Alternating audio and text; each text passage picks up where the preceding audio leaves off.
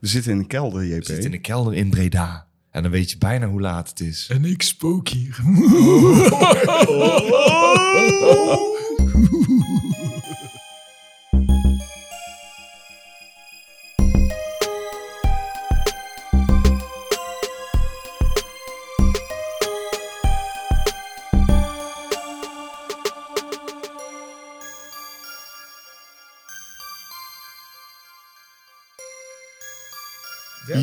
we zitten in de kelder in Breda op het But Film Film Festival. Festival. En dit is de veertiende aflevering van het derde seizoen van Cinepraatjes, de podcast van de Cinemaatjes. Dat spook is echt vervelend. Het is zo'n klopgeest. Ja, maar wie is die klopgeest? Stel je eens voor. Eh, jeetje. ik, eh, ik ben de oorspronkelijk Gemertse klopgeest, Ruud Vos. Afgedaald weer terug naar Brabant. Om wat lekkere troep te kijken. Yes. Yes. Ruud, Ruudje Vos Ruudje Vos. uit eh, Nijmegen. Hij is aanwezig ook op dit But Film Festival, waar wij dus al het hele weekend zijn, JP. Ja, we zijn er al vier dagen. Ja, en we hebben daar een hele hoop dingen gezien. Daar gaan we het zo natuurlijk over hebben. Maar ik vind het vooral heel gaaf dat we hier ook mochten zijn. Ja. Want we zijn speciaal uitgenodigd. We zijn zelfs juryleden voor de featurefilms en korte films. En daarvoor moesten we huiswerk doen. Dus dat betekende dat wij eh, films van tevoren mochten bekijken. Wat een hele eer is natuurlijk. En daarna mochten we ook nog korte films beoordelen. En daar mochten wij in een eh, juryberaad gaan met een paar andere mensen. En Ja. toen zijn we tot een eh, leuke conclusie gekomen. En dat hebben we zaterdag gepresenteerd. En wil je de prijswinnaars weten, dan moet je maar gewoon heel even kijken op de But Film Festival site. Dit is de laatste dag van het But Film Festival. Voor iedereen die nu aan het luisteren is en denkt van... wat is dat in godsnaam? Check het even uit, want dit is echt iets wat je gewoon moet meemaken. Sowieso als je ons luistert en je denkt, ja, hallo, jullie doen allemaal van die rare, gave films. En ik heb er stiekem een keer eentje gekeken. Ja, dan moet je hier een keer gewoon naartoe komen. Stap in de trein, stap in je auto, kom hier naartoe en heb het gewoon gezellig. Want het is een heel leuk klein binnenpleintje. En dan hebben ze twee zalen. En dan heb je nog een eh, doorgang naar eh, de chassé. En dus een wat, wat professioneler. En het filmhuis ook. Filmhuis, die doen allemaal mee. En zo heb je een heel leuk programma. En dan kun je gewoon zelf kiezen van, nou, dit lijkt me wel wat. Of je komt erachter in de film, oh mijn god, wat ben ik nou aan het kijken? Ja. Ja, ik dat kan is uit gewoon- ervaring zeggen, deze eerste keer dat ik hier ben geweest, van je kunt hier toekomen, geen enkele echt geweldige film zien en nog steeds gewoon dik naar je zin hebben. Bam! Kijk. Dat is een goed festival. Mic drop. Nee, want BUT staat voor B-Movie Underground en Trash. Nou, dan kun je eigenlijk wel al raden wat je voor je kiezen gaat krijgen. Mhm. En we hebben een hele hoop eh, trash dingen gezien, maar daar gaan we het dus straks pas over ja, hebben. daar gaan we straks over. Want we hebben natuurlijk gewoon nog wel een enigszins reguliere uitzending. Ook al zitten we nu in een hele holle kelder.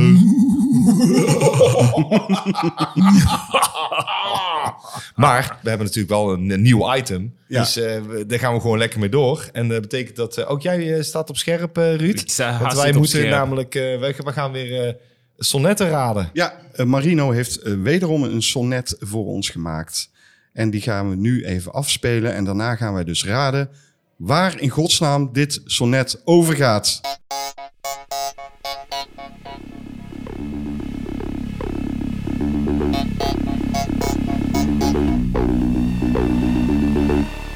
Nog niet. Een puber tot de zeventiende macht, die wacht op antwoord op herhaalde vragen. Vandaag of niet? De spanning niet te dragen. Ze zucht en hunkert, hongert, snakt en smacht. Intussen is die griet niet te genieten. Ze lift om loopse liefde te bereiken. Eén ogenblik gedeeld doet haar bezwijken. Het antwoord telt haar tot zijn favorieten.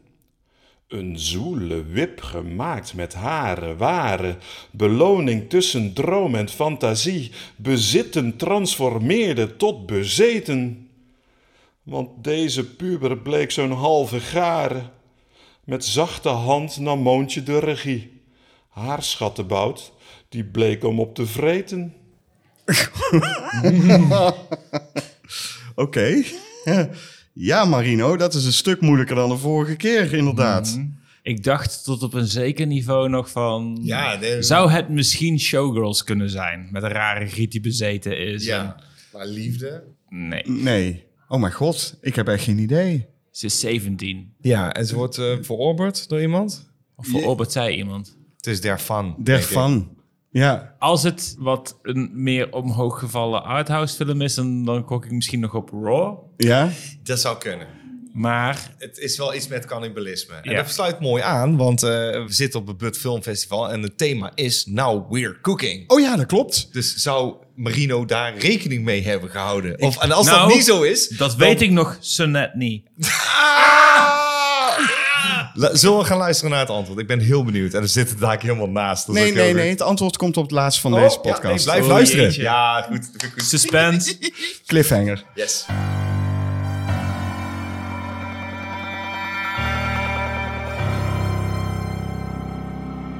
Wat heb je nou in godsnaam weer gezien? Goed, wij hebben een heel hoop dingen gezien op eh Bud Film Festival.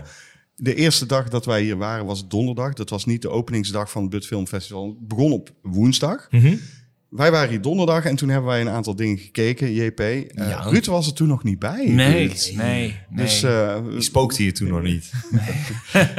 maar misschien eh, ben je wel benieuwd wat wij hebben gezien. Ja, altijd. Vertel me op. Kom op, kom op. Zeg dan. Ja, wij zijn naar de film Dumplings Dumplings geweest. Ja, Zal een- ik het proberen te vertellen? Dat mag jij proberen. Het is in ieder geval. tweede doen het is een eh, Chinese film uit 2004. Gebaseerd op een short movie. En dit is dan de full-length eh, feature.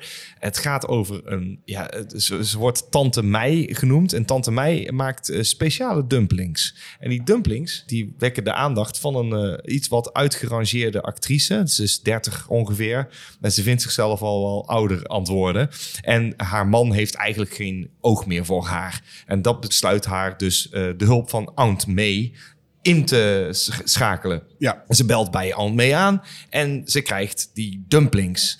Oh, Eh, nee, doet me wel echt meteen heel erg denken aan Spider-Man. Sorry, ik kan er niet van me Dat afschudden. is Aunt May. Dat is Aunt May, is het. I know. Nou, ze neemt die dumplings dus. Ze, neemt die, ze neemt die dumplings en eh, ja, eh, tante Mei, die, die hecht daar... Ja, jij gaat het, Ruud, jij gaat het niet meer uit je systeem krijgen. Nee. Eh, die, eh, de- die Mei, ik ga er gewoon Mei Je doen. doet gewoon zo hard je best, Ja. maar nee, ik hoor nog steeds. Nee, die gaat, die dicht daar bepaalde, ehm, eh, ja, historisch gezien, eh, krachten aan toe. Eh, ze zegt, ja, het het houdt je jong, het houdt je jong, deze dumplings. Het is een speciaal gerecht. Wij leren al heel snel wat het ingrediënt is. En dat is ook helemaal niet een enorm mysterie. En dan vind ik eigenlijk wel heel tof dat ze dat meteen op tafel gooien. En Ha, daarna wordt het een soort... letterlijk. Maar daarna wordt het een soort... Ja, dan blijft het eh nasudderen eh, in heel de film. Want, oh ja, ik moet ook wel zeggen dat, eh, dat ja, die man is een hele rijke zaakman van Dus een vijf... schuinsmarcheerder. Een schuinsmarcheerder van hier tot Tokio. Ja. God. Maar het is een Chinese film, die klopt gewoon niet. Sorry.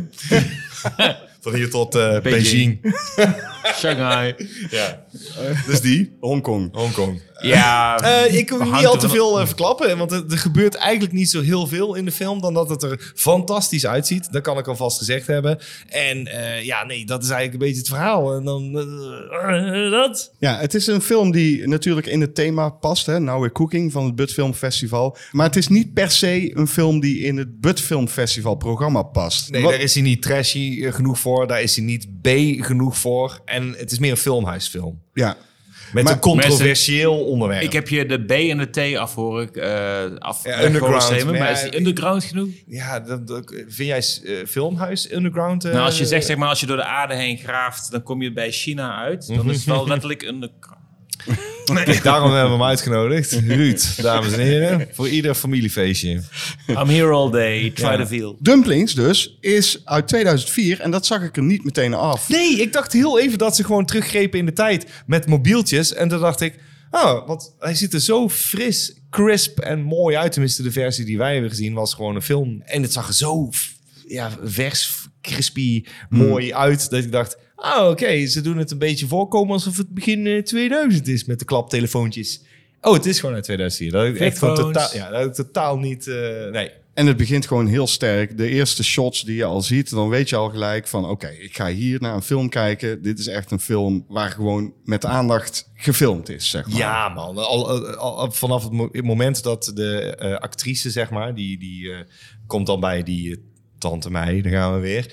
Eh, dat appartement. Je bent alleen maar aan het kijken van, wat heeft ze allemaal opgehangen? Wat zit er in de kastjes? En wat staat er op tafel? En dat zie je allemaal. Ja, maar dat hoort bij het verhaal ook. Ja, dat hoort allemaal bij het Dus die verhaal. production design is gewoon fantastisch. Ja. Het is wel zo dat het mysterie, wat eigenlijk in deze film het dingetje is, Mhm.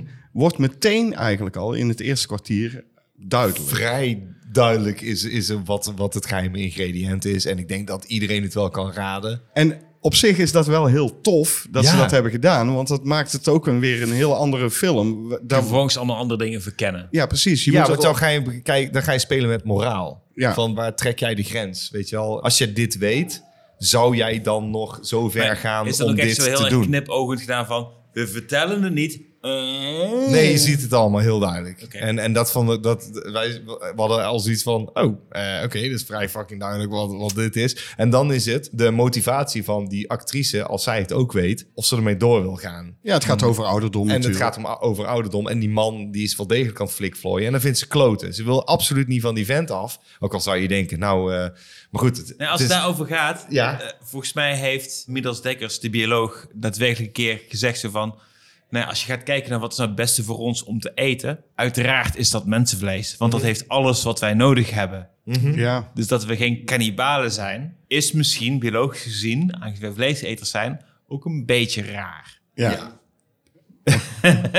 Maar ja, willen wij aan dat gedachte-experiment? Dat is een tweede. Maar doet die film dat? Eh, Deels. Deels. ja. En je hebt het gedeeltelijk eh, goed. Ja.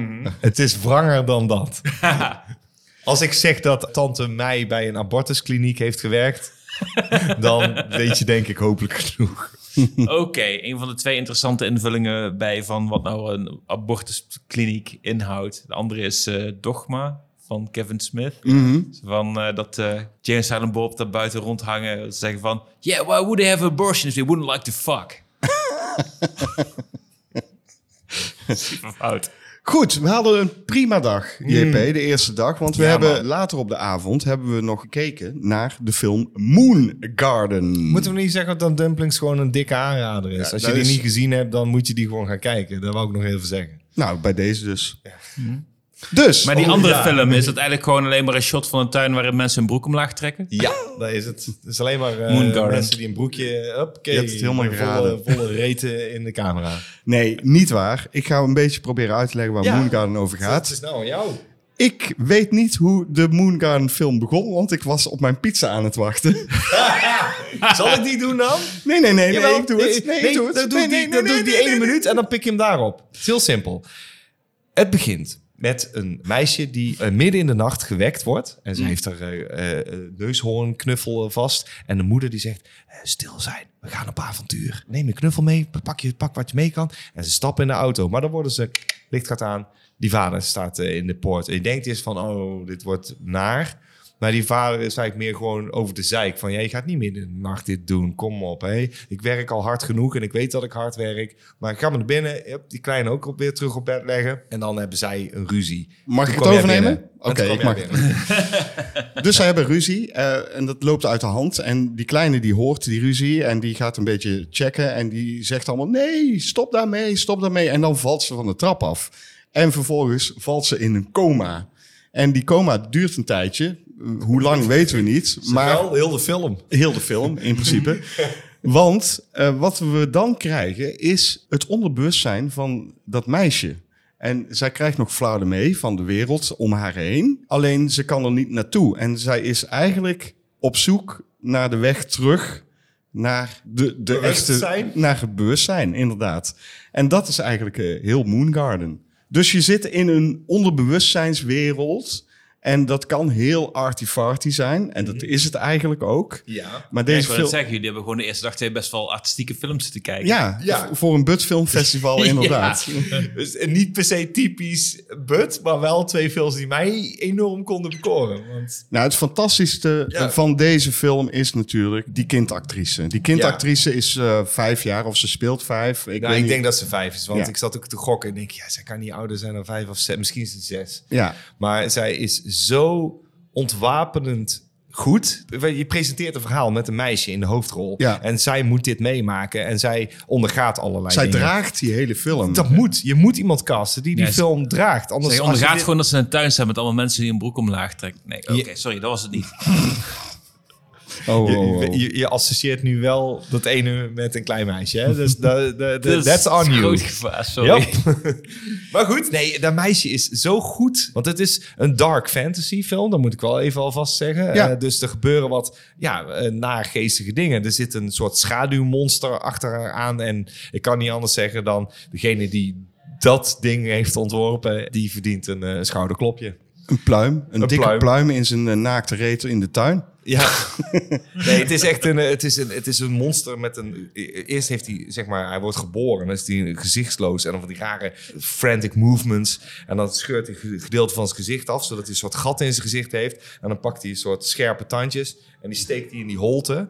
En die klik, klik, klik, klik, klik, klik, klak, klak, klak, klak, klak, klak, klak, als een soort stop motion zie je die elke keer klapperen. En die zit elke keer achter haar aan. Ja, hij lijkt een beetje op de Babadook. Ja. Maar dan de Babadook als hij cool was. Ja. Zoals van Guillermo del Toro's De Babadook klinkt. Nou, eh, dat, ja. het heeft heel veel raakvlakken met Guillermo de Toro. Ja. Het is ook een beetje steampunk-achtig. Maar die hele onderbewustzijnswereld, die is gewoon fantastisch gemaakt. En dan heb je dus die kindactrice die echt top presteert. Gewoon echt helemaal geloofwaardig in alles wat ze doet. Zij moet Ja, door maar dat donkere krochten lopen en ze komt elke keer van scène naar scène en die, die kan angstaanjagend zijn. En dat doen ze dus ook. Ze schuwen niet om het meisje zeg maar te onderwerpen aan ja, wat wij zouden kunnen ervaren als zijn van oeh, dat vind ik best wel heftig, voor de- ook voor de kleine meisje. Maar het meisje ondergaat het allemaal een beetje laconiek, maar ook eh, soms ook geschrokken. En dan, dan kijkt ze ook zo en dan denk je, dit is zo goed man. Ze heeft contact met de buitenwereld eh, middels een oude radio. Ja. Die ze af en toe op een zender en dan hoort ze haar moeder tegen haar praten. ja. En soms dan ziet ze een ruit en dan kan ze daar heen kijken, dan ziet ze zichzelf gewoon een heel goed bedacht vehikel. Is Zo van, hey, we, dit is iets heel makkelijks om te, te signaleren van... oké, dan is er contact tussen haar en eh, dat ze Ja, ja nee, buiten wel tegen haar echt, praten. echt een topfilm. Wat dat betreft is de eerste dag voor ons, ja, ondanks dat het op het Budfilmfestival is, qua films niet per se heel erg Bud geweest. Ik zeg niet dat Bud slecht is natuurlijk. Nee, want dit soort films worden er dus ook geprogrammeerd. Als je zou denken, ja, maar ik ben niet zo van eh, B-underground trash, eh bloed, gore en onzin. Ik wil gewoon een filmhuisfilm. Nou, kijk even in het programma, want die films staan er dus ook tussen. Ja, en dat zijn gewoon... Moet je wel op vrijdag komen, niet pas op zaterdag. Daar komen we nog op. Ja, maar het zijn low, low-budget films Ja. die, die gewoon echt wel gezien mogen worden. En daarom kijk ook Moon Garden, alsjeblieft. Ja, wat een hele fijne film was dat ook. Dus ook een aanrader voor, Ja. voor mij. De tweede dag, vrijdag was dat, eh, kwam eh, Ruudje Vos ook eh, langs. Iets later dan gepland. Ruud, kwam jij omdat wij hadden aangegeven dat wij naar But gingen? Of Ik wist je- dat jullie sowieso al best wel goed gingen op dit festival. Mhm. En ik dacht van, weet je, ik wil er sowieso graag naartoe. Want ik ken een paar mensen die hier eerder hebben geprogrammeerd, maar nu niet meer. En die wisten me al een beetje enthousiast te maken van... oké, dit lijkt me heel erg tof om eens een keer gewoon überhaupt eh, lekker rond te gaan... en me even lekker in te smeren met ingewanden. Ja, precies. Gewoon lekker met scheid, pis en, en bloed. Ja, Precies. Alleen, ik had niet heel erg goed in de gaten gehouden van waar het nou precies was. Dus toen ik jullie daarover hoorde in de podcast, toen had ik een rare misvatting dat het misschien wel in Tilburg zou zijn. Ja, ik verbaasde mij ook. Dus op want ik ging- vrijdagochtend- Ja, ja, ja, vertel. Stond ik in Tilburg, liep ik naar, omdat ik niet beter wist. Mm, bab. Ehm, daar tegen gaan kijken en ik keek buiten tegen dat, daar tegenaan en ik dacht van, het ziet er niet uit als dat er hier nu een heel erg underground filmfestival bezig is. En ik stond daar met mijn vriendin, die echt zoiets had van, fuck, je hebt mijn dag verkloot, als we zouden hier een film gaan kijken. Nou ja, ik ben maar blij, want misschien, misschien had je een heel eh, slechte film gezien natuurlijk. Ehm, nou, nee, we hadden best eentje uitgekozen van ik dacht van dat zou... We, we weten op wat voor festival we terechtkomen, weet je Welke wel. had je uitgekozen? Eh, Cult Hero. Oh ja, shit, ja. ja, ja. Was die oké? Dat weet ik niet. maar hebben wij niet wel- gezien, nee, maar we hebben gezien, wel ja. eh, dingen over gehoord. Ik heb er dingen over gehoord in ieder geval dat het eh, ja, op B-niveau wel oké was. Ja, nee, eh, nou, kijk, dat is waar we voor gingen. Ja, en het, het verbaasde mij ook dat toen dat ik dat Ja, ik, ging, ik know, ging naar. Breda en eh, ik denk nou, eh, wacht op William, eh, die komt op het station en eh, Ruud komt aanlopen. Ik denk Ruud, die eh die was uit vanuit eh Nijmegen. Maar we- ik kwam daar straight voor met katcafé, want ik moest iets doen om nog een paar uur te openen. We hadden heel graag gewild dat dit in Tilburg zou zijn, maar we zijn ook aangenaam verrast dat dit in Breda is. Breda is eigenlijk een beetje de stad van de schone schijn, Ruud. Eh, ja, de, de, De, de schat van de, de, de stad van de donkere underbelly. de schat van de... Ja. de Stad van de schat. ik heb Schat van de de, stad. de donkere underbelly gezien hoor. We zitten, hier, we zitten hier ook een beetje in een donkere underbelly. Wij zitten nu in een donkere underbelly. Maar goed, jij kwam dus eh, naar het Bud Film Festival, ging met ons mee in de trein. Ja. En eh, wij gingen de film Family Dinner kijken. Een Duitse film, Oostenrijkse film. Ik weet I niet. don't care.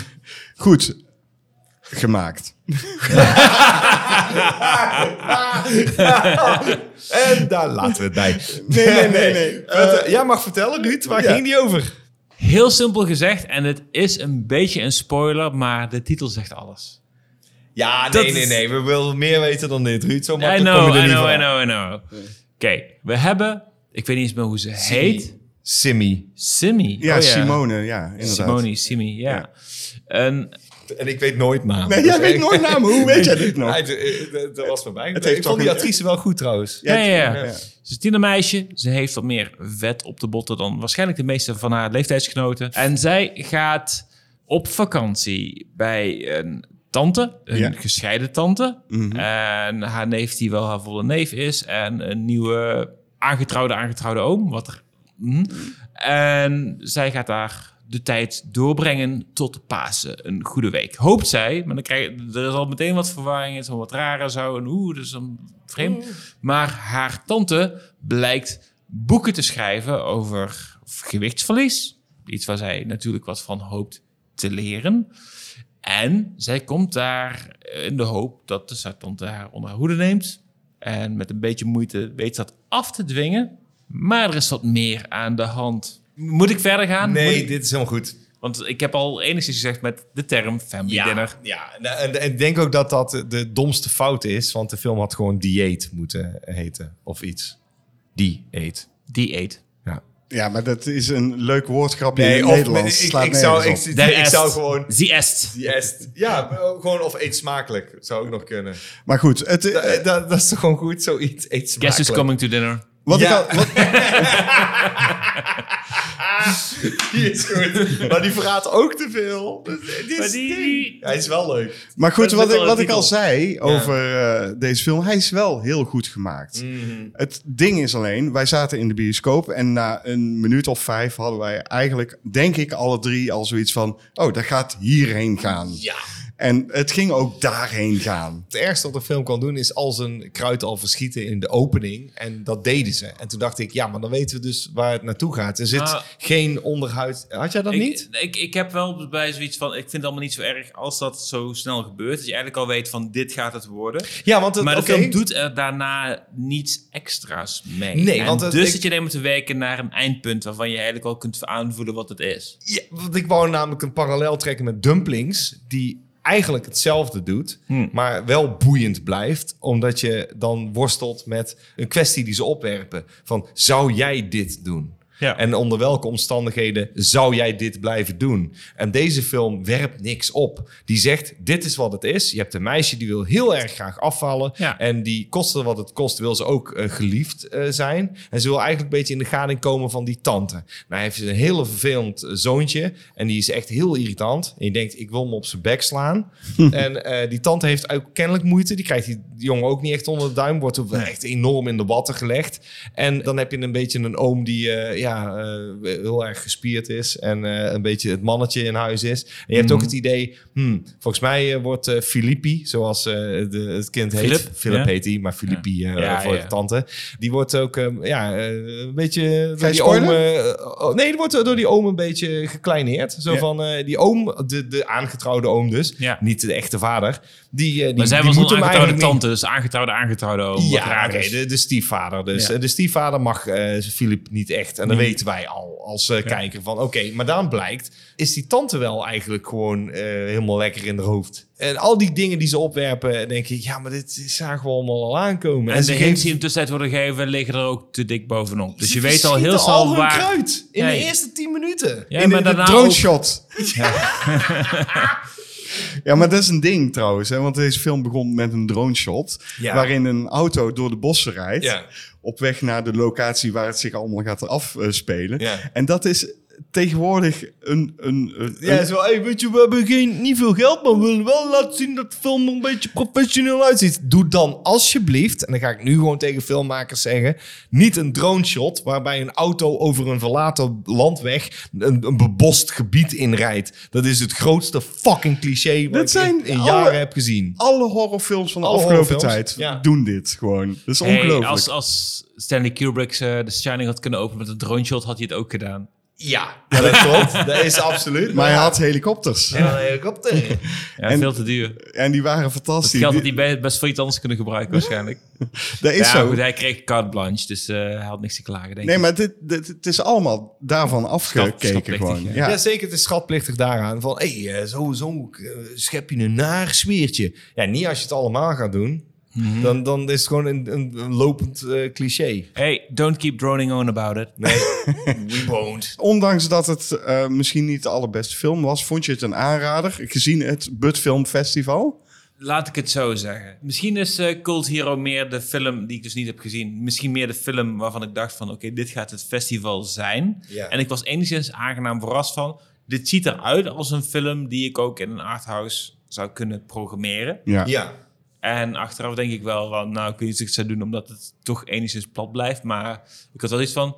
oké, dit is een veelzijdiger festival dan ik had gedacht. Ja, want Family Dinner oogt wel als een arthouse film. Het is, Ja. het is wel een A24 level Het eh voelt camera. als gewoon een, als een Ja. goed gemaakte low-budget film. En Zeker. eerlijk, eerlijk gezegd, die actrice die Simi speelt, show, die, die, Ja. vond ik heel goed. En vond ook Zij dapper. want zij moet natuurlijk iemand spelen. eh, en dat heeft ze ook. Ze heeft overgewicht. En, en toen dacht ik, het is best dapper dat zij ook daar in de film... moet, moet ze haar buik laten zien. Het is best vernederend allemaal. En eh, Nou, ja. ik had... eh, we hadden een betere film verzonnen. Ik had het liever gehad dat ze gewoon de nadruk hadden gelegd... op haar echte dieet. Mhm. En, en dat dat de speel van de film was. En dat dat excruciating zou moeten zijn. Dat die tand inderdaad doorgeslagen zou zijn. Ja. En dat zij merkt, oh, dit is bijna pesteritis. Ja, die voel ik op zich wel. Ja, dan was Maar het een psychologische horror dat geweest. voor zij ook gewoon heel erg goed laat zien wat ze kan. Door Ja. simpelweg het feit van...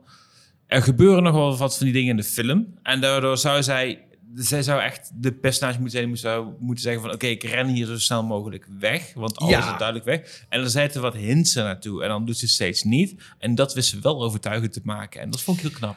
Klopt, want die zou anders zeggen, ga toch godverdomme weg nu. Nu, nu Ja, maar zij- zij haakt- ja. En zij, zij, zij weten te verkopen als zijnde, oké, zij, zij is zo... Zij Dus wil al die kleine nuances van... Oké, misschien denk je nu toch even de andere kant op. Ja. Weet Mhm. zij te verkopen. En dat is echt heel goed gedaan. Ja. Dat maakt de film beter, maar dat maakt de film niet per se goed. Het bedoel, zij maakt die film beter door die keuzes. Maar er mankeert nogal wat aan het verhaal, vind ik. En eh, de, de- hier had zoveel meer ingezeten. Want de locatie is goed, de zijn goed. En dan vind ik dat, ook als het is afgelopen, denk ik... Ah, dit is zo zonde. Je bent er bijna. Je hebt dus al die le- letterlijk en figuurlijk ingrediënten. En, en je doet daar dan niks mee. En, tenminste, niet een, een bevredigende conclusie. Want dit is iets wat wij zagen aankomen.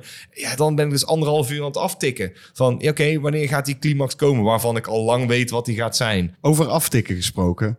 Ik was aan het aftikken met eh, mijn band. Ja, Wij ja. gingen ook nog eens optreden op het Bud Film Festival. Ook dat nog eens. Daar zijn dus ook optredens. Hè, waardoor ik dus geen andere film kon kijken op deze dag.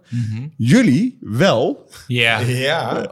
Oh, ja. En eh, jullie hadden gekozen voor eh, de film The Sound of Summer. Laten we alsjeblieft eerlijk zijn. Ik had gekozen voor The Sound of Summer. Ja, nee, is mooi, want eh, echt alle schuld ligt bij jou. En je mag hem ook gewoon gaan vertellen. Nee, Ru- Ruud had gekozen voor The Sound of Summer. En die had nog een voorfilm. Ja, Ja. die Die mag heet- amper geen voorfilm noemen. Nou goed, ik, ik noem hem wel. tolls. For what the For doorbell... the- Wat? Dit is whom? Nee, for what the doorbell tolls. Voor whom de, Jezus. bo- de doorbell tolls... For whom the bell tolls. Is dat Ja, voor whom de doorbell tolls was logischer geweest. Maar zo heet hij niet. Dus dat geeft al meteen aan hoe kut die film was. ik, ik, ik heb jullie uit de zaal zien komen daarna. Beschrijf dat eens, want dat is misschien beter. Wat ik al zag is, eh, toen ik op de band aan het wachten was om uit te laden, zag ik JP uit de zaal lopen en eh, naar de wc. En toen dacht ik, dat doet JP alleen maar als de film echt kut is. Anders gaat hij de zaal niet uitlopen. En eh, toen dacht ik, oké, oké, ik ben benieuwd wat ze ervan vonden. We beginnen met het voorfilmpje voor What the Doorbell Tolls. Ik heb zelden films zo hard zien proberen en falen om The Evil Dead te zijn. Maar dan The Evil Dead waarbij een dead-eye in een envelop wordt bezorgd aan een huis. Dat is het eigenlijk vooral een beetje. Oké, ik had al de punchline verzonnen en die zat er niet in dat het dan van AliExpress zou zijn. Van, oh, is de laatste keer dat ik iets bij AliExpress bestel. Maar dat was niet. Ik heb JP het echt al zes keer horen zeggen van AliExpress, AliExpress, AliExpress. Maar, Maar goed, jullie hebben daarna dus... maar, maar zo'n punch, punchline, of dat het die was of een andere, had de film beter gemaakt. Want hij had geen punchline dus Had geen eigenlijk. punchline. Nee, het, het hield gewoon op. En, en, en Maar hij duurde ook- er Er, wordt aangebeld bij een huis. Er wordt iets in de brievenbus gegooid. Dat blijft in een envelop te zijn of een pakketje of zo. Waar zwaar, eh, een soort zwaar pakketje. ja, zwaar pakketje. Die wordt binnengetild door de, de bewoner. Ja. En daar komt dan een soort van deadite-achtige eh, zombie, halve zombie uit. Zo'n Vervolgens blijken er nog meer zombies het huis binnen te lopen. Want why the fuck not? Ja.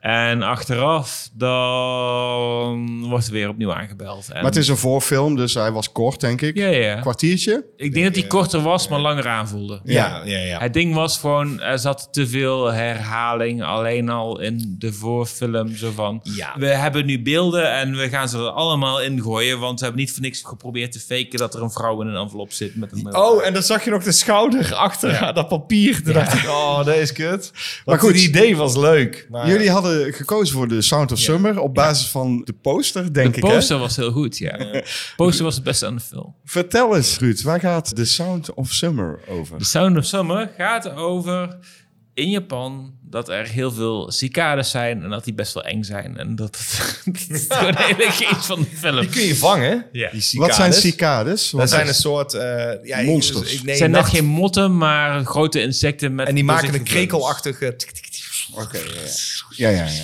Dat, dat, dat, dat ruisende geluid. Ja, het is een soort kruising tussen een nachtvlinder en een libelle, denk ik. Dat denk ik. Ja, zoiets. Ja. Cicade. Dat is dus een apart eh, insect dus. En die kun je altijd horen. En daarom is het ook de Sound of Summer. Ja. Dat, dat, We volgen een jonge dame die in een eetetablissement werkt. En er komt op een gegeven moment een man binnenlopen die van die cicades vangt. ja, vangt. En en met een begeleidend geluid van... eh, dit is foute boel. Ja, op een gegeven moment dat hij binnenkomt lopen, dan zit er allemaal boom eronder en zo.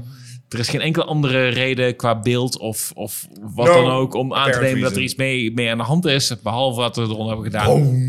Komt de man binnen. Ik Denk, Oké, dat is foute boel.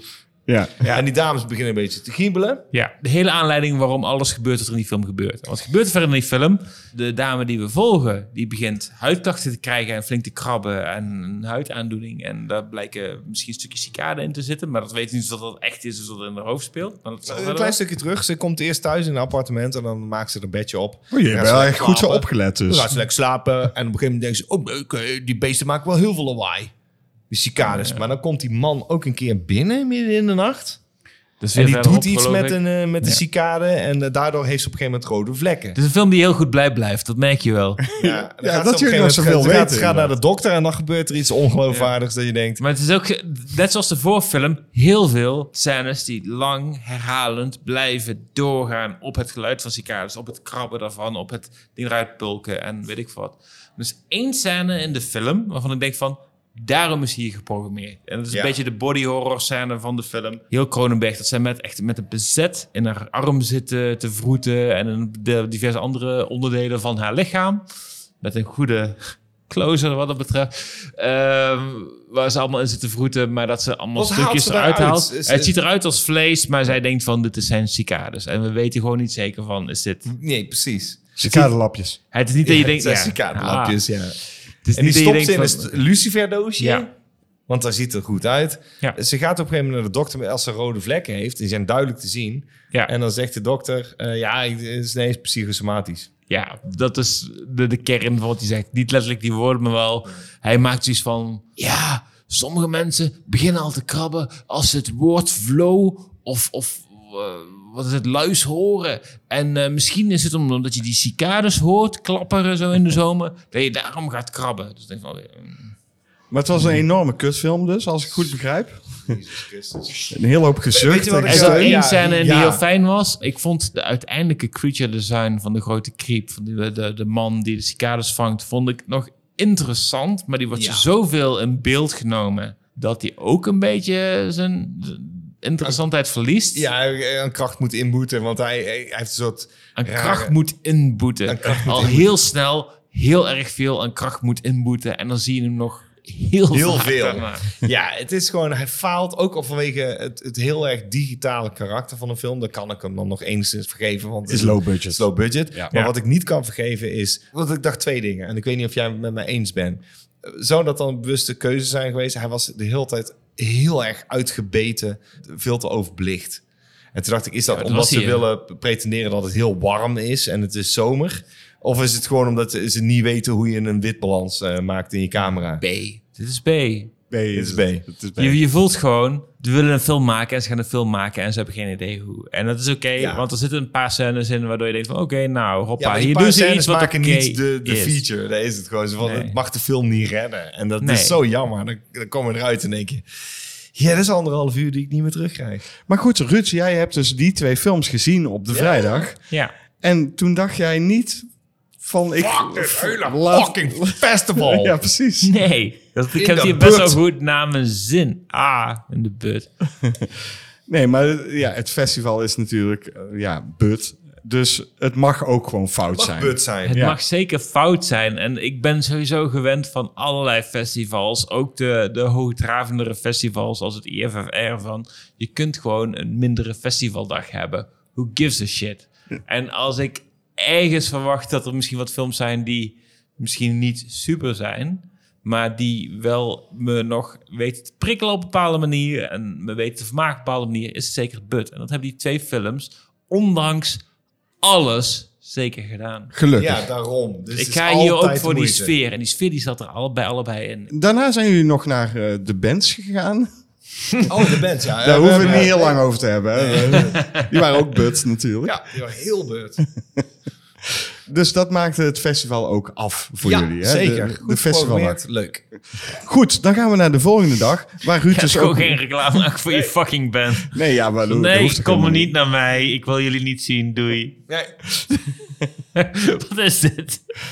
Ja, ik ga toch niet reclame voor mezelf maken. Ik bedoel... Vond je het wat, Ruud? Ja, ik vond het wel wat. Ja? Ben- Jij bent niet per se van die muziek, toch? Of wel? Van oudsher ben ik eh, misschien wel wat meer van thrash metal en metalcore. Dus dat het wat meer up tempo is dan wat jullie spelen. Mhm. Maar ik heb zeker wel eh, lekker staan luisteren en genieten en zo. Herkende jij mij nog op het eh, podium? Nou, het was even wennen, maar op een gegeven moment hoorde ik zeker jouw stem door het goede gegrunt heen en zo. Ja, dat mag ik wel zeggen. Welkom bij weer een nieuwe. Dat was JP. Voordat je denkt dat, dat ik zo grunt. Nee hoor. Nee, nee, nee, nee. Nou, dan zijn we de dag daarna weer naar het Bud Film Festival geweest. Zonder Ruudje Vos. En ik ga heel langzaam weer weg uitveden. Hij gaat weer spoken in de kelder. Nee, je mag vragen stellen, Ruud. Want eh, de zaterdag was een belangrijke dag voor ons, JP. Zeker. Wij als juryleden moesten toen een juryberaad plannen, ook Ja. nog. En, en we moesten dus de... de Eh, Vier uur, nee, zeven uur. ja, Ja, precies. het. We moesten de prijs ook nog uitreiken. Maar we gingen eerst nog naar eh Hillbilly Holocaust. Oh, heerlijk. Dat was eh, he- heel Billy leuk. ja, nee, dat, dat, het, het, weet je, het is, dit is een film... Heel die- Waar billig. gaat hij over? Ja. Het was heel billig. Het, het gaat over een stel hillbillies en die hebben kennelijk een poort in de hel geopend in hun keldertje. En eh, de taak is blast iedereen gewoon omver die daaruit komt. Ja, of Eh, geef ze eten. Of geef ze eten. En eh, dus dat betekent dat iedereen in die, die in die bossen waar die hillbillies wonen komt, die is eigenlijk gewoon te dode opgeschreven. Dus dat is alles. Volgens mij was het een Duitse film.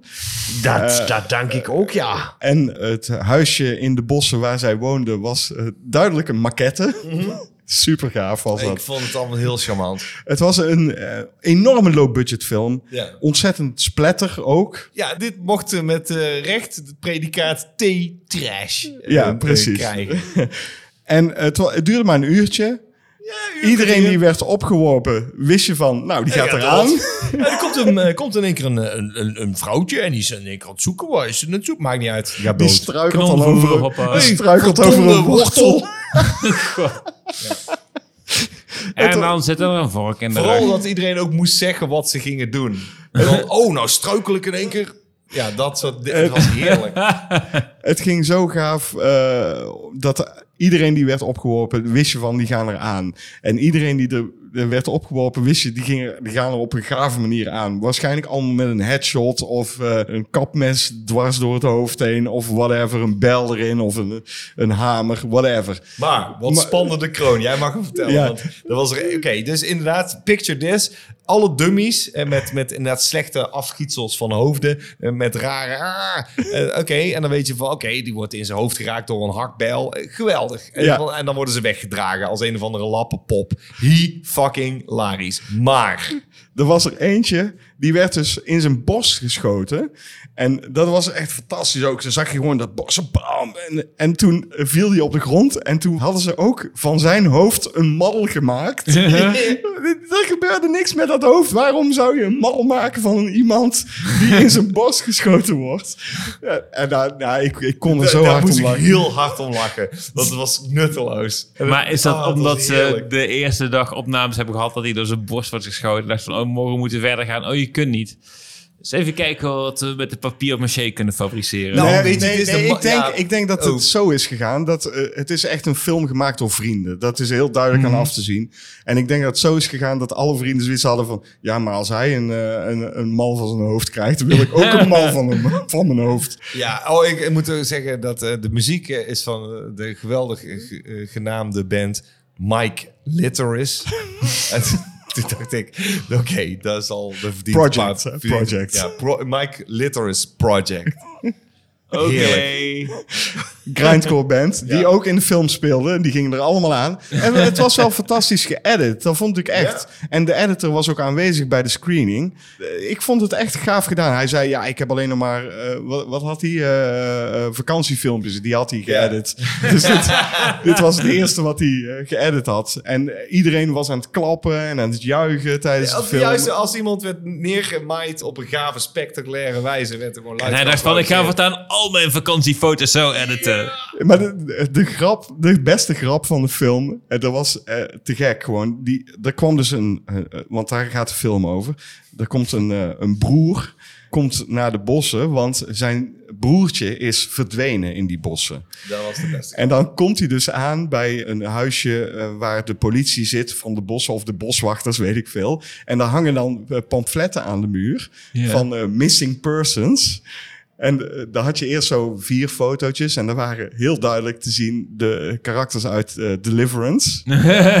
en dan had je ook nog eh, drie fotootjes en die kwamen uit de Blair Witch Project. En dan één grote foto van Walter White. Het was fantastisch. Enorme trash. Ja. eh, super gaaf. En Het daar, niet voor niks. Nee, Holocaust. eh, Holocaust. Nou, is- is heel duidelijk wat het is. ja, precies. De- En, Maar en, Duitse hillbillies vind ik überhaupt al een zeer intrigerend idee. het was te gek, echt serieus. Eh, Deze film verdient alle eer. En als je hem ergens kunt opsnorren, dan, dan moet je dat echt zeker doen. Zijn het dan wel hillbillies met lederhozen? Of moet ik, wat moet ik Nee, erbij? dit zijn Nee, echt eh, houthakkersbloezen. Ja, en, ja. eh, ja, dit is gewoon... eh, het, het is zo heerlijk fout. En, en ja, nee, kom op man. Dit is zo eentje... Die ga je met een paar vrienden, zet je die op... en dan eh, sla je een paar biertjes achterover... en dan roep je gewoon kaart naar het scherm... als er iemand doodgaat. Dus precies zo is die film ook gemaakt, denk Ja. ik. En eh, later op de avond gingen we natuurlijk naar eh Poultrygeist, die, we al, eh, die ik al Honderdduizend keer heb meerdere malen gezien heb. Een traumafilm. Moeten we het daarover hebben eigenlijk? Nee, die, die, die- die- toch? Ik heb hem niet gezien, dus vertel. Er wordt een KFC gebouwd op een, eh, een, oud, burial een oud Indian burial ground. Oh, dus het heeft daadwerkelijk een link met Poltergeist. Ja. En eh, dan eh, komt Arby, eh, die zijn high school lover Wendy eh, moet, eh, die- is kwijtgeraakt aan Arby's college. en Wendy's. Ja, Ja, er zit al. Denny's in, er zit een, een Paco Bell zit erin. Dus iedereen eet naar fastfood uh, Mm, keten. heet er iemand naam. met zijn achternaam McDonald? En... Ja, volgens mij wel. Nou, dat weet ik niet zeker, maar er zit ook nog een Er Denny's is wel in. een I'm loving it in. Ja, het is dus eigenlijk een, eh, een, een, een, ja, Een spoof, een spoof op musicals. musicals, inderdaad. Het is heel erg gore, over de top. Er zitten heel veel foute grappen in. Zoveel foute grappen. Het is een film uit 2006. Er zitten zoveel foute grappen in dat er tijdens het eerste kwartier van de film liep de eerste rij van de film weg. Maar die foute grappen die ze maken, die maken ze met een bedoeling. Ik had Beetje Beetje het zoals idee Jim- dat ze Jimmy- heel erg over de scheef gingen. Ik, eh, want, want zelfs de Hamas of eh hummus, zoals ik wat Ah. Ja, is, eh, is een meisje die, eh, In die een daar burka. werkt. En die, die werkt in een, in een burka. En elke keer als zij iets zegt, dan, eh, of eh, ze, ze wordt boos, dan duikt iedereen weg van... Oh, misschien gaat ze zichzelf opblazen. Eh, maar dat trokken die mensen dus niet. En dacht ik, ja, maar de film weet ook wel dat ze dit doen om jou te prikkelen en, en eh, over de zeik te helpen. En als je dan opstaat en je loopt weg, dan laat je jezelf echt enorm Jimmy, kennen. Jimmy Carr die heeft ooit gezegd van zijn favoriete reactie op een van zijn grappen is als mensen doen van oeh en dan toch een beetje moeten lachen ondanks zichzelf. Ja, maar dat is Ja, deze dat- film. dat is helemaal, deze film. helemaal. Als je dat kan, in dat, precies wat jij nou zegt, dat is perfect. Als je... maar je blijft zitten en, en je kan het hebben, dan, dan heb je een grand old time. Want Ja. het is gewoon fucking hilarisch. Het is een traumafilm natuurlijk. Dus als Ja, je trauma kent, dan weet je precies wat je kan verwachten. Er zitten twee acteurs in die het echt fantastisch goed verkopen. Ja. Arby en Wendy. Die verkopen het fantastisch. Er zitten echt geweldige liedjes in. Want het is ook nog eens een musical op Mhm. de een of andere manier. Ja, gewoon eh, ook de special effects. Het is heerlijk over de top. Er, er wordt met stront, eh, slijm en bloed eh, gegooid. Eh, het is ranzig, ranzig, ranzig. En, en alle dingen zijn gewoon gaaf. Ja. Ja, Als je hem nog niet gezien hebt, Ruud. Nee, ik heb hem niet gezien. Poultrygeist, Night of the Chicken Dead. Volledige titel. Ja, ik kende de titel, ja. Geweldig, geweldig. Een van de betere trauma's, moet ik eerlijk zeggen. Natuurlijk, de Toxic Avenger is een van de beste. Hè? Daar zijn ze mee begonnen. Citizen Toxie, eh, de- het deel die heb 4 ik ook daarvan. hoog zitten. En die z- zit in hetzelfde kaliber, Ja. denk ik. Ja. Ja, er zijn er wel een paar die ik Romeo ook- en Julia nog de moeite. Ja, zeker, want die is van eh, James Gunn. Dus eh, ja, zeker is die de moeite waard. Trauma is sowieso de moeite waard, meestal. Ja, weet je, het is, het is hit of miss, maar dat blijft interessant. Want dan is het aan jou, de kijker, om te bepalen of je het trekt of niet. Ja, precies. Goed, we gaan door naar de laatste dag. Hè? De dag waarop we nu zitten Dat eigenlijk. je wist dat die Die ging niet komen. voorbij is. Is dat ook meteen de special? Want we kunnen meteen de special voor maken. Zullen we daar een special van maken? Oh jee. Oh, dan gaan, we dat- ja, dan gaan we de special maken van de laatste dag. Ja, maar dan doen we er even tussendoor eh, wat we normaal moeten doen. Uit de kast. Juist. Oh.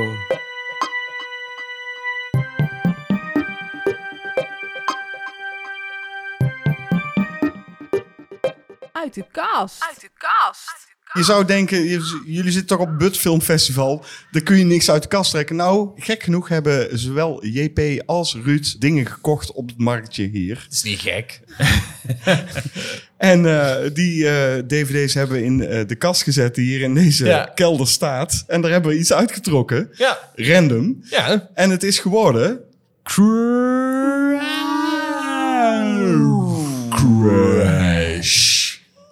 Uit 2006 van regisseur Paul Haggis.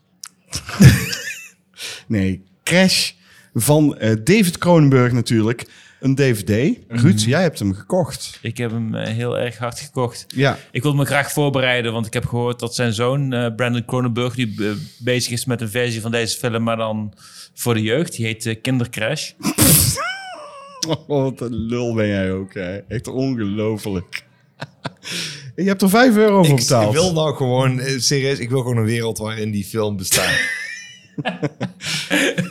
Je hebt Als, er, want dat zou geniaal zijn, klaar. goed, goed, je hebt er dus 5 euro voor betaald. Ja. Ja, tof. Het is eh, in het Engels. Ja, ik- moet ik hem voorlezen? Oh, wil jij het? Nee, in- ja, ja, ja, maar- nee, ja, nee, doe- maar, laat- nou, laat precies, Ruud het ja. maar voorlezen. Want die kan het beste Engels. Ik vind het wel heel erg mooi dat een van de, de taglines die erachter op, op de achtergrond staat is... Sex and Rex. Advertising executive James Ballard. Oftewel by- neuken en deuken.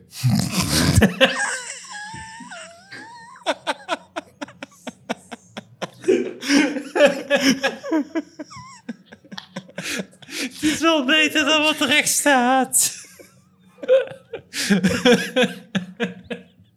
Goed. hij, hij was al begonnen, JP. Oh, fistbumps. Advertising executives James Ballard, James Spader, known from Stargate, and his wife Catherine lead complex, if hollow, sexual lives. However, after being involved in a near fatal car crash with Dr. Helen Remington, played by Holly Hunter from The Piano, En The Burning. Ballard finds himself being drawn into a provocative exploration of the connections between danger, sex, and death. And as his involvement deepens, Ballard and Catherine discover new and increasingly disturbing ways of expressing love. Puntje, puntje, puntje. Ik heb hem nog nooit gezien. Ik ook niet. What? Nee, Allebei niet? nee. Dus jij mag alles over vertellen wat je Oh, erover te vertellen hebt. Fuck. Is- toen is- je van tevoren iets zei van, nou, ik hoop niet dat het die wordt, dacht ik echt van, oké, wat is er hier zoiets van wat niet heel erg cinematisch is of zo? Iets waarvan jullie dan denken De van, reden dat hij hem niet heeft gezien. ah, precies. Jesus, Het is, het, het is natuurlijk een David Cronenberg film voor normalo's eigenlijk, toch? Of niet? Ja, maar nee. Want in heel veel opzichten zou ik bijna denken dat het misschien wel de meest verontrustende David Cronenberg is. Oké. Ik zie hier wel dat Empire hem eh, vijf sterren geeft. Ja, ik heb hier goede dingen over gehoord, maar ik weet dat deze film eh, verdeelt heel veel mensen. Ja, en Viggo Mortensen wilde heel graag met eh, David Cronenberg samenwerken vanwege deze film. Zei hij ook toen, ze, toen- toen hij een keertje een filmprogramma samen mocht stellen, volgens mij voor TIFF of in een van de andere grote filmfestivals. Toen zei hij van, ik wil die film laten zien, want dit is waarom dat ik van David Cronenberg hou. Dus Cronenberg is samen met hem naartoe gegaan om te hebben over die film en zo. Toen hebben ze En History of Violence, was dat toch? Nee, deze. Nee, maar... Ja, dat is de eerste die hij heeft samengemaakt, ja. Dus hij heeft nooit echt... goed. Ja, Oh die is my God, goed. ja. Maar hij heeft nooit echt body horror samen met hem gedaan. Nee, Tot- nee, jammer. Tot, tot Crimes of the Future, Crime toch? of the Future nu. Die heb ik niet gezien. Ja, ik wel. Ik Die ook. heb, die heb ik dan weer wel gezien. Die vond ik ook heel lekker. Ja, ik vond hem ook eh, zeker wel goed. Eh, mm, niet de beste Cronenberg film die ik gezien heb. Maar Nou, het is een beetje een remix van alles wat Cronenberg Cronenberg maakt. Allemaal bij elkaar in één film. En Kristen Stewart is fucking hilarisch. ja, die, is, die vond ik heel goed in de film. Echt serieus. Dat vond ik, ik, ik dacht echt van, oké, deze chick uit Twilight, die... eh, Die kan heel leuk acteren. Die, Ja. eh, als je haar de juiste rol geeft, dan loopt ze ermee weg. En ik had haar al een keer gezien in, in die horrorfilm. En toen was ik al onder de indruk van... Oh, is dit die chick uit Twilight die niet kan acteren? Oh, ze kan wel acteren. Dan ligt het dus aan de regisseur. En dat vind ik heel kwalijk. Want Ja, dit, dat is een perfect voorbeeld van een regisseur die iemand... Ook Robert Pattinson dus. Gewoon... eh, op een bepaalde manier heeft gecoacht. Zo van, dit is de film die ik wil maken. En daardoor dus iemand slechter uit de verf komen. en Stewart hebben allebei al laten zien in andere films Ja. van Twilight dat ze verdomd Ja, goed de- kunnen acteren. ja, exact, al voordat ja. ze met Cronenberg samenwerken. Dat klopt, dat klopt, dat klopt. Oké, Maar, misschien Pattinson wel vooral met Cronenberg in de eerste instantie. Want eh, Cosmopolis is wel zijn, een van zijn eerste films waarmee hij dat imago ging proberen te doorbreken. Ja. Maar ja. En eh, natuurlijk eh, The Lighthouse, waarin die fantastisch is natuurlijk. Ja. Maar eh, eh, ja, Kristen Stewart, die, die viel echt op, vond ik in eh, Crimes of the Future. Maar vertel eens iets over Crash. We hebben niet eens gehad van waar gaat het over. Het Waarom- gaat erover van, gaat het het over? gaat erover van dat je een auto-ongeluk hebt gehad en dat je misschien best wel een beetje geil van wordt. Oh, Dat, ja. dat, dat is het hele punt van de film. En is dat wat controverse. Lekker. mm, wordt uitgemolken in die film. Neuk en deuk. Nee, ik, ik- ja, het is echt een van de weinige films waarbij ik zie dat van... Wauw, ik ben oprecht best wel verontrust hierdoor. Dus eh, nice. Oké, je, wil, je wil ook een auto-ongeluk meemaken nu. Ik denk het niet. Ik denk ook niet dat ik me zo ga gedragen als personage in deze film. Als ik wel een keer een auto-ongeluk krijg. Tenminste, die ene keer dat ik een auto over de kop heb gereden. Dat we allemaal trouwens ongeschonden eruit kwamen en zo. Had, had ik niet meteen zoiets van... Oh, mm, dikke lul, stijve dikke lul. Oh, natbroekje. Maar het is wel met twee andere mannen, dus misschien dat dat kan schelen. Dat, aan eh, dat, wel- dat is een heel andere ervaring. Ja. Was dat een, eh, een eenzijdig ongeluk? Ja. Oké. Op een snelweg. En we zijn over de kop geraakt en zo. Omdat ik... eh, Hoe dan? Vertel. Dit is interessant. Oké. Daarom spookt hij in deze kelder. Ik was net 19. Ik had eh, volgens mij nog geen twee maanden daarvoor mijn eh, rijbewijs gehaald. En we gingen naar Noorderslag in Groningen. Ja. En toen reden we terug. En eh, ik had al gezegd van, nou, ik, op een gegeven moment moet ik misschien even rust nemen of zo. En toen hadden we, waren we net een benzinestation al langs gereden. Ik zei van, ik pak de volgende keer wel rust of zo. Was er eentje te laat, overduidelijk. Dus we rijden over de A50, ergens tussen Apeldoorn en Arnhem in en zo. En op een gegeven moment is daar een, een, een bocht. En die bocht is een beetje legendarisch. Die, die, die is een beetje aan de scherpe kant. En die houdt dan ook vrij plotseling op. Wist ik niet, want ik was een onervaren rijder. Dus ik zit in die bocht. En ik ben flink aan het sturen en gas aan het geven. En in mijn achterhoofd, wat mijn eerste rijleraar me heeft meegegeven van... Die adviessnelheidbordjes zijn adviessnelheidbordjes. Je kunt er doorheen met de, de maximumsnelheid, maar je kunt ook het advies opvolgen. Zo, zo van, ja, je kunt best chasen. En dat deed ik. En dat was een, geen slimme, geen slimme beslissing. Dus ik ging met 120 kilometer een bocht waarbij stond adviessnelheid 90. Ja. En die bocht houdt heel, heel, heel plotseling op. Op een gegeven moment denk ik van... Shit, ik ben naar rechts aan het sturen. En dat is nu echt gewoon niet meer de bedoeling. Dus ik stuur terug. En ik ga te veel de andere kant op. En ik stuur terug. En ik ga weer te ver de eerste kant op. Ik stuur weer terug. En weer een keer terug. En ben ik aan het zwabberen. En ik ga met de bocht mee de berm in. Bramenstruiken in. Die onder de, wielen komen. Die gooien de auto over de kop heen. We schuiven een stukje door. Totdat we tot stilstand komen. Tot het tegen een hek wat daar hangt. Ik en een vriend van me, die naast me in de, de stoelen voorin zaten, die hadden allebei riemen om en hingen dus op zijn kop in de auto. Ik was achter ons had niet zijn riem om. Die heeft zich vastgeklampt toen hij door had van de Oh gaat iets fout God. aan de hoofdsteunen. Ja. Heeft zich daarmee Oh goed gehouden. god. En die kwam er ongeschonden uit omdat hij zo, goed, zo snel wist te reageren. Oh dus dat had zomaar fout kunnen gaan. Gelukkig ja, ja. maar. Gelukkig. En toen ik eruit kwam was ik vooral heel erg geschokt. En op geen enkele manier geil. Niet? ik was 19 jaar en ik was niet geil op dat moment. Dat zegt wel wat. Ja, en, Ja, eh, dat eh, dat ja. zegt heel veel. Want ik was altijd geil op mijn negentiende. en dat is echt niet gelogen.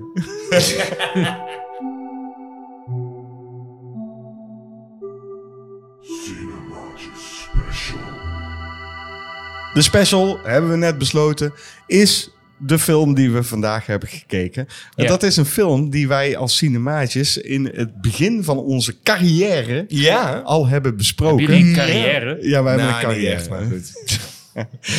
Het is namelijk de Texas Chainsaw Massacre 2, 2, 2, 2, 2, 2, 2, 2, 2. En die is gaaf?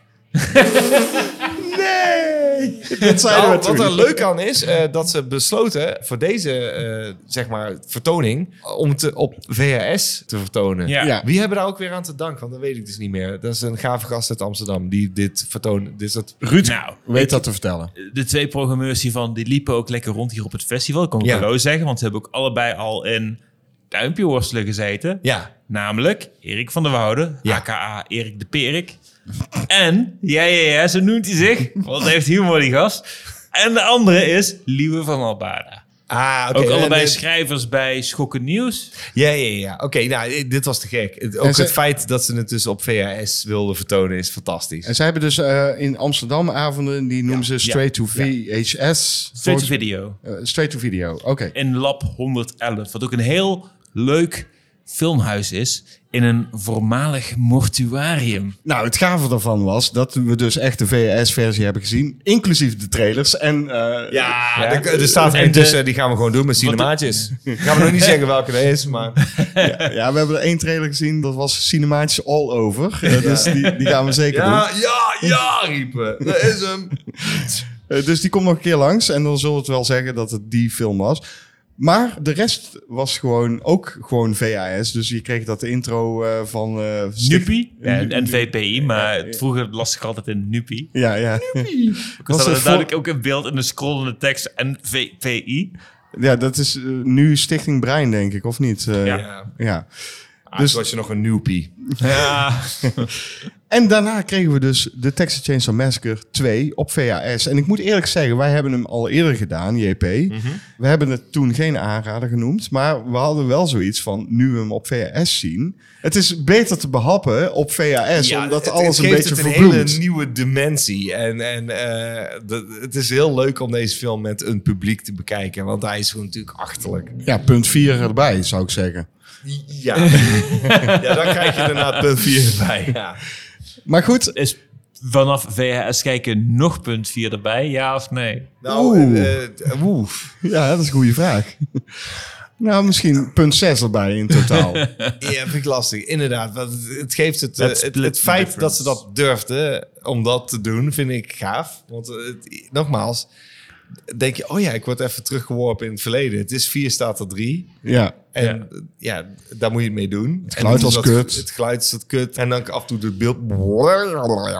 ja. Maar dat is prima, want dat hoort er allemaal bij. De- Mhm. dit is wat ik ken van vroeger. Je van die magneetstrepen door beeld heen. Ja, de kleuren geweldig. waren flat. Het hielp Ja. al niet dat het vanaf een beamer werd vertoond die al niet super sterk was. Maar Nee. ook nog VHS is, maakt allemaal nog lekker een korreltje Het was heel groezelig. Ja. Maar goed, jij zei, ik kom zondag ook nog. En dan Ja. ga ik naar de Texas Chainsaw Massacre 2. Die had jij nog niet gezien. Hadden we niet gezien. Waar gaat is ook over? een keertje aangeraden door een van de gasten in de podcast die erbij vertelde van dat Toby Hooper deze film heel graag wilde maken omdat hij zoiets had van ja mensen hadden al niet door dat deel 1 ook al een beetje komisch was. Daar is het absoluut. Daar, daar ben ik het mee eens. Alleen eh, deze gooit hem echt. eh, ja, deel 1 die- is vooral heel erg naar en op een manier die me echt oprecht verontrust en daarom wilde ik hem nu graag zien. Waar Vertel eens, over? waar gaat hij over, Ruud? Nou, laten we eh, eens kijken terug naar de, de evenementen van deel 1, waarin we weten dat er een klein groep jongeren naar een huis is gegaan, bruut is uitgemoord, waaronder gast in een rolstoel.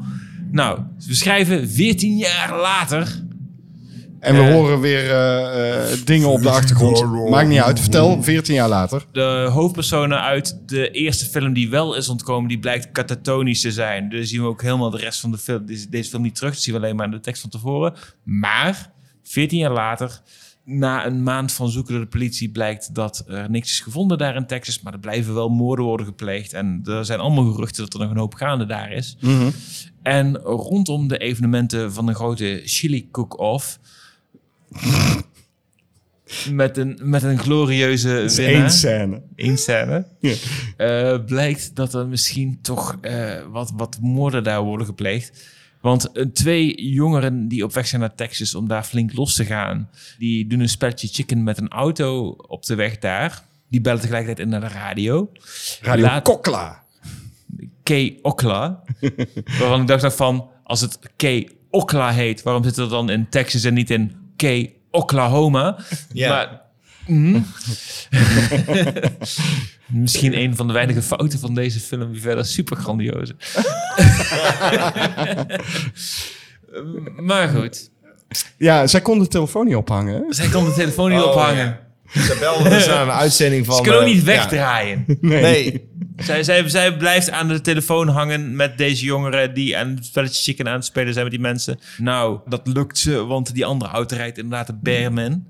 Maar dan later op de avond, wanneer dat Stretch, de radio-dj, nog steeds zit te draaien, want ze draait de hele dag, belt dat duo nog een keer in, terwijl dat ze een brug over willen rijden. Een lange brug, hè? Een lange Dat is een brug. flinke brug. Een lo- het is een Dat is een enorme brug. kast van een brug. Ik ken jullie. Wa- Was jij toen aan het werken? Heb ik het onderbroken Nee, of niet? Nee, nee, dat is prima. Oké. Maar goed, wat gebeurt er Dat op is die een bit brug? of a stretch. Wat gebeurt er op die brug, Ruud? Op die brug duikt ineens die auto weer op waar ze meeste chicken hebben gespeeld. Waar zij rechtdoor over de brug rijden, gaat hij daar parallel aan achteruit meerijden. Daar duikt ineens een soort van lijkachtig figuur met een kettingzaag op. En die begint daar eventjes een slagpartij te doen. Wordt allemaal wordt opgenomen, weer door de radio, waarop ze alweer aan het inbellen zijn. Waarop ze alweer niet kunnen ophangen. Ja. En dan heb je natuurlijk een eh, cowboy, denk ik. Een Een sheriff. eh, een uitgerangeerde eh, met pensioen zijnde sheriff. En die is al 14 jaar op zoek naar de moordenaar van Gespeeld zijn... door Dennis Copper. Ja, Dennis Copper. Eh, eh, 14 jaar op zoek naar de moordenaar van Franklin, zijn gehandicapte Broertje, broertje. Ja, eerst wordt hij zegt neefje en dan zegt hij brother. Ja, precies. Be- Maakt, maakt niet uit. Het script werd een beetje losgelaten af en toe. Goed, en die gaat op onderzoek en die hel- Stretch helpt hem. Ja. En ze komen er dus achter dat ze... Ja, boeien. Ze hebben eigenlijk gewoon, eh, na, na drie scènes hebben ze al een enorme band. ja. Geweldige film, al zeg ik het zelf. Nee, maar het viel mij op, JP. Wij hebben hem natuurlijk al gedaan. eh, Ja. Heel erg vroeg in onze carrière, zoals ik. Carrière. Ja. Ja. Dus kijk dat vooral terug op youtube.com slash cinemaatjes. Ja. Daar, daar kun je dat zien. YouTube.com met cinemaatjes, ja. Ja. En eh, toen waren we er niet zo over te spreken. Ik ben er nog steeds niet zo heel erg over te Ik spreken, ook hoor. niet, maar ik moet wel eerlijk zeggen dat de eerste helft van de film liep als een dolle. Ja, er zit een enorme vaart in. En daar ben ik het mee eens. Dat kan ik de film geven. Dat maakt hem interessant. De- dat is ook zeker, nou ja, eh, op V- zelfs op VHS merk je dat van, oké, dat loopt wel. Maar ergens halverwege, nou ja, eigenlijk op het moment dat ze dat pretpark ingaan, dan gaat het mis. Ja. Dankzij de hulp van Stretch gaat ook de sheriff Ja. mee naar een plek. Dat ze de, die, die familie volgen nadat Ja. ze dat radiostation hebben aangevallen. Ja. En tot op dat moment is het allemaal nog best wel vlot gegaan. Oké, het radiostation heeft ook al op die moment... Ik denk van, oké, is Ja. een beetje een stretchen, maar daar voel je het nog niet zo Letterlijk stretchen. Ja. Ja. In het pretpark daarentegen is het niks anders meer dan dat. ja, het is eh, eh, van, oh, deze scène Het is de tweede helft van de eh, ja, film ruim. Ja, precies. En het is een heel hoop chaos en paniek. Een hele hoop goofiness ook, want eh, nou, eh, hou je mond nou toch eens. Bap, bap, bap. Je hebt die ene die commandeert maar. En Bijna die, de Three Stooges wordt de familie van... Ja, Let- dan wordt het gewoon kolderiek. En dan blijf je dus eh, over met die koek. Die commandeert Chop Top en Leatherface. eh, van, nou jongens, eh, bap, bap, bap, je moet dit en dat en dat gaan doen. En wat gebeurt er hierboven? Ga eens even kijken. We worden hier aangevallen door die Dekselse clown en die Tom de acrobaat. Ja, het wordt op een gegeven moment- Ja, Ondanks dat ik deze film niet goed vind, denk ik dat Toby Het expres heeft gedaan. Hij wil Ja, ja, ja. hier een funny film van maken, omdat hij, denk ik, hè, dat vul ik dan weer zelf in, eh, zoiets had van, ja, waarom willen jullie een, een vervolg op de Texas Chainsaw Massacre? Die Ja. film is al geweldig. Eh, Oké, jullie huren mij in, ik cash gewoon, ik maak deze film, maar ik gooi het gewoon helemaal over een andere boeg.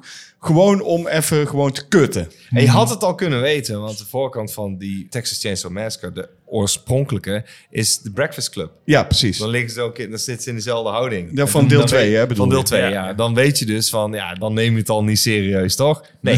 Maar ik denk dat hij het expres heeft gedaan. Om Ja, gewoon te laten zien van... waarom wil je in godsnaam Ja. hier een vervolg op?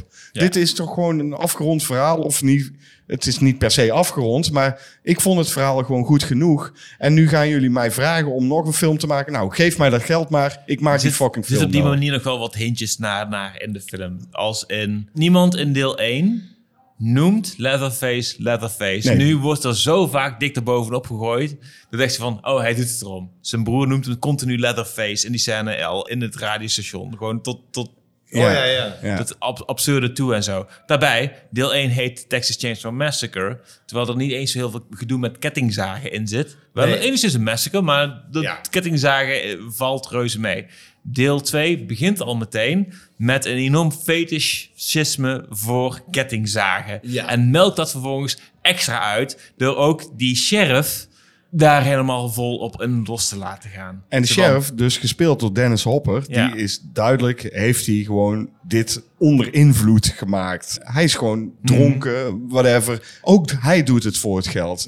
Net als Toby Hooper het voor het geld heeft gedaan. Volgens mij heeft iedereen het voor het geld gedaan. Misschien het enige pluspunt van deze film is Chop Top. Ja. Ook een heel erg over de top personage natuurlijk. Maar hoe die geïntroduceerd wordt is wel heel gaaf. Ja. Ja. Hij heeft een aansteker en daarmee heeft hij een, een, een, een Kleerhanger, kleerhanger, ja. die hij elke keer verwarmt. En dan krabt hij aan eh, iets wat je niet nog ziet. Maar, eh, en dan elke keer likt hij en, en, en hapt hij van, de, van die kleerhanger. Het is de meest perverse eh, parodie op nagelbijten die ik heb gezien. Ja.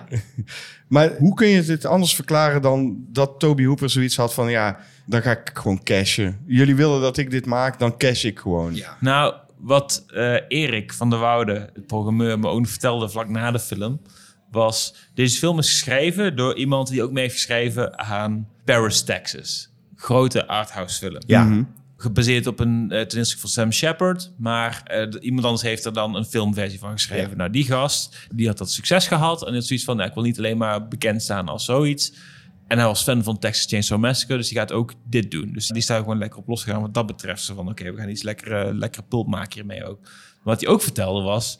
Een week voordat ze begonnen met filmen of zo, of in ieder geval vrij kort daarvoor, kregen ze een telefoon, misschien zelfs maar een dag van tevoren, kregen ze een telefoontje van de producent van de studio van, oké, dat budget dat we jullie hebben eh, beloofd, is een miljoen minder. Oh, En dus moesten ze ineens een budget van een miljoen minder gaan stretchen. Al komen we alweer bij dat woord. ja, ja. Maar dat voel je dus heel erg aan de film. Dat Ja. ze dus ook best wel dingen aan het uitrekken zijn. Ja. Ook zeker omdat ze al zo vroeg gaan naar dat grote horrorpretpark. Als je dat in een paar shots ziet en dat het redelijk te snel doorheen race in ongeveer een kwartiertje à 20 minuten of zo. Dat heeft zijn volledige waarde. Want dan doe je met zo min mogelijk, met een heel grote locatie, best wel veel Ja. dingen. En nu wordt het heel veel in beeld genomen. Heel veel scènes zijn daar. En, de pa van de familie van Leatherface, die blijft maar monologen houden. Ook, die, die gast heeft echt geen komische timing en die probeert lollige dingen te doen Ja. dat werkt echt een stuk minder. Zelfs wanneer je begint te praten over aanbij, precies van goed idee, zoals je brengt, werkt het niet. Ja. En dat is verder oké, maar het is wat het is, weet je wel. Maar daarin voel je heel erg van, zijn dit echt heel erg lang aan het doen hier? En we proberen extra production value te laten zien, Ja. omdat het deze locatie is. Maar omdat we hier zo lang rondhangen... Je eh, voelt het. Ja. al in die achtervolging, als dat, eh hoe heet ze, stretch, eh, de trap oprent. Mhm. En dan wordt ze achtervolgd door Chop Top en die scène. Elke keer heeft hij er te pakken, maar heeft het toch niet te pakken. En dan trapt ze hem. En dan heeft ze hem toch niet te pakken, maar toch wel Ja. te pakken, maar toch niet te pakken. En elke keer denk je, hij had al lang met een mes haar kunnen. En het voelt enorm uit. Het echt gewoon letterlijk gestretched. Weer, komen weer uit. Het is echt. En, en het, het valt zo op dat het gewoon pijnlijk is. Zo, ik kom hier niet doorheen, man. Sorry, dit, dit is gewoon st- stupide nu. Ja, en, en Leatherface natuurlijk, die had ook meteen kunnen zwaaien met zijn eh, kettingzaag. In plaats van, doe de Leatherface! Ja, hij heeft constant die motorzaag boven zijn hoofd en dan staat hij te dansen. Er is iets van, dat doet hij in deel 1 alleen maar helemaal aan het einde. Ja. Omdat hij boos is dat, dat de hoofdpersonen Precies, daarin ontkomen ja. is. En dan heb je een hele mooie iconische scène. Ja. En hierin gewoon alsof dat het erom gaat van we gaan dit uitmelken als een soort van punchline. Doet hij dat. Ja, hele signature move wordt het ineens. Ja. En het is echt heel komisch als je het ziet en je lacht erom. En dat is natuurlijk waarom deze film hier ook geprogrammeerd wordt. Ja. Het is wel een film die helemaal bij Bud Film Festival past. Zeker. Ondanks het feit dat hij gewoon... De, de tweede helft is gewoon echt... Ja, dat kun je niet vergeven gewoon. De tweede helft is echt kut. Terwijl de eerste helft best wel wat belooft eigenlijk. En, en de introductie van Chop Top. En daarna, eh, ja, zodra ze weggaan uit dat eh, radiostation... is het gewoon echt kut gewoon. Er zitten genoeg dingen in waardoor ik steeds weer denk van oké, best. Zeker ook het laatste shot van de film. De make-up effecten van Tom Savini zijn fantastisch. maar het is wel een Bud Film Festival. Het is zeker een Film. filmfestival, film. Op een lekkere manier. Ja, goed. I like big butts and I cannot lie. Those other suckers can deny. Oké. Het antwoord van Marino, zijn sonnet, jongens. Eh, zijn we benieuwd? Zijn we benieuwd? benieuwd. Ik denk dat je toch gelijk hebt gehad met Dervan. Eh, Ah, ik weet het niet hoor, want hij eh, he throws you for a loop. ja, dat kan. Ruud, jij had ook eh, Raw. Raw, dat? jij zei Raw. Het zou ook kunnen. De Franse film van eh, Julia Ducano. Oké, daar komt hij. Het antwoord. Dit sonnet heb ik gemaakt voor een film die jullie hebben aanbevolen in een van jullie YouTube-uitzendingen. ik had nog nooit van de film gehoord en eh, behoorde meteen toen ik hem heb gekeken eh, tot eh, een van mijn favorieten. En het betreft de film Der Fan uit 1982, de Duitse film. Ja, ja, ja, ja, ja. JP had het goed geraden. Maar wat een moeilijk eh, sonnet Nee, was dit. heerlijk. Ik, luister, als ze allemaal zo zijn, dan moeten we echt opletten. Ja, dan moeten we echt gaan dit, opletten. eh, ik vind het een leuk item. Maar we zaten ook heel moeilijk, eh, deze omstandigheden, in de kelder. Eh, ik moest het sonnet luisteren via mijn telefoon. Daarom, het is gewoon een moeilijke omstandigheden met achtergrondgeluid. En eh Ruud, die hier ook nog allemaal eh, dingen loopt te roepen tussendoor. Nee, Zoals uh, sonetiquetet en dat soort onzin. Ja. ik weet het zo net nog niet. Eh, moeilijk, moeilijk was het. Maar wel leuk. En Ja. een mooi sonnet weer, Marino. Dus Zeker. ik ben benieuwd wat hij eh, nog meer voor ons in petto heeft. Maar dat eh, is dan voor de volgende eh, uitzending. in Sonetto. Waar ik niet bij. Oké, doei. Hoezo ben je daar niet bij? Oké, dan ben ik erbij. Je mag er altijd bij zijn, Ruud. Vond je het leuk op But? Kom je volgend jaar weer? ik vond het heel leuk op Bud en ik doe mijn best om volgend jaar weer te komen. Maar ik vind het heel moeilijk om nu al beloftes te maken voor iets wat over... Nee, daar houden we aan, jongen.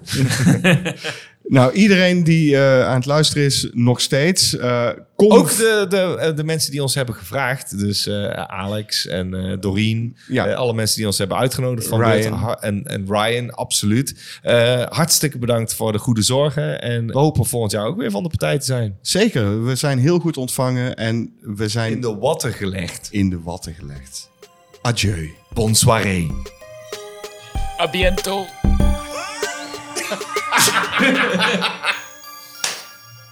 哈哈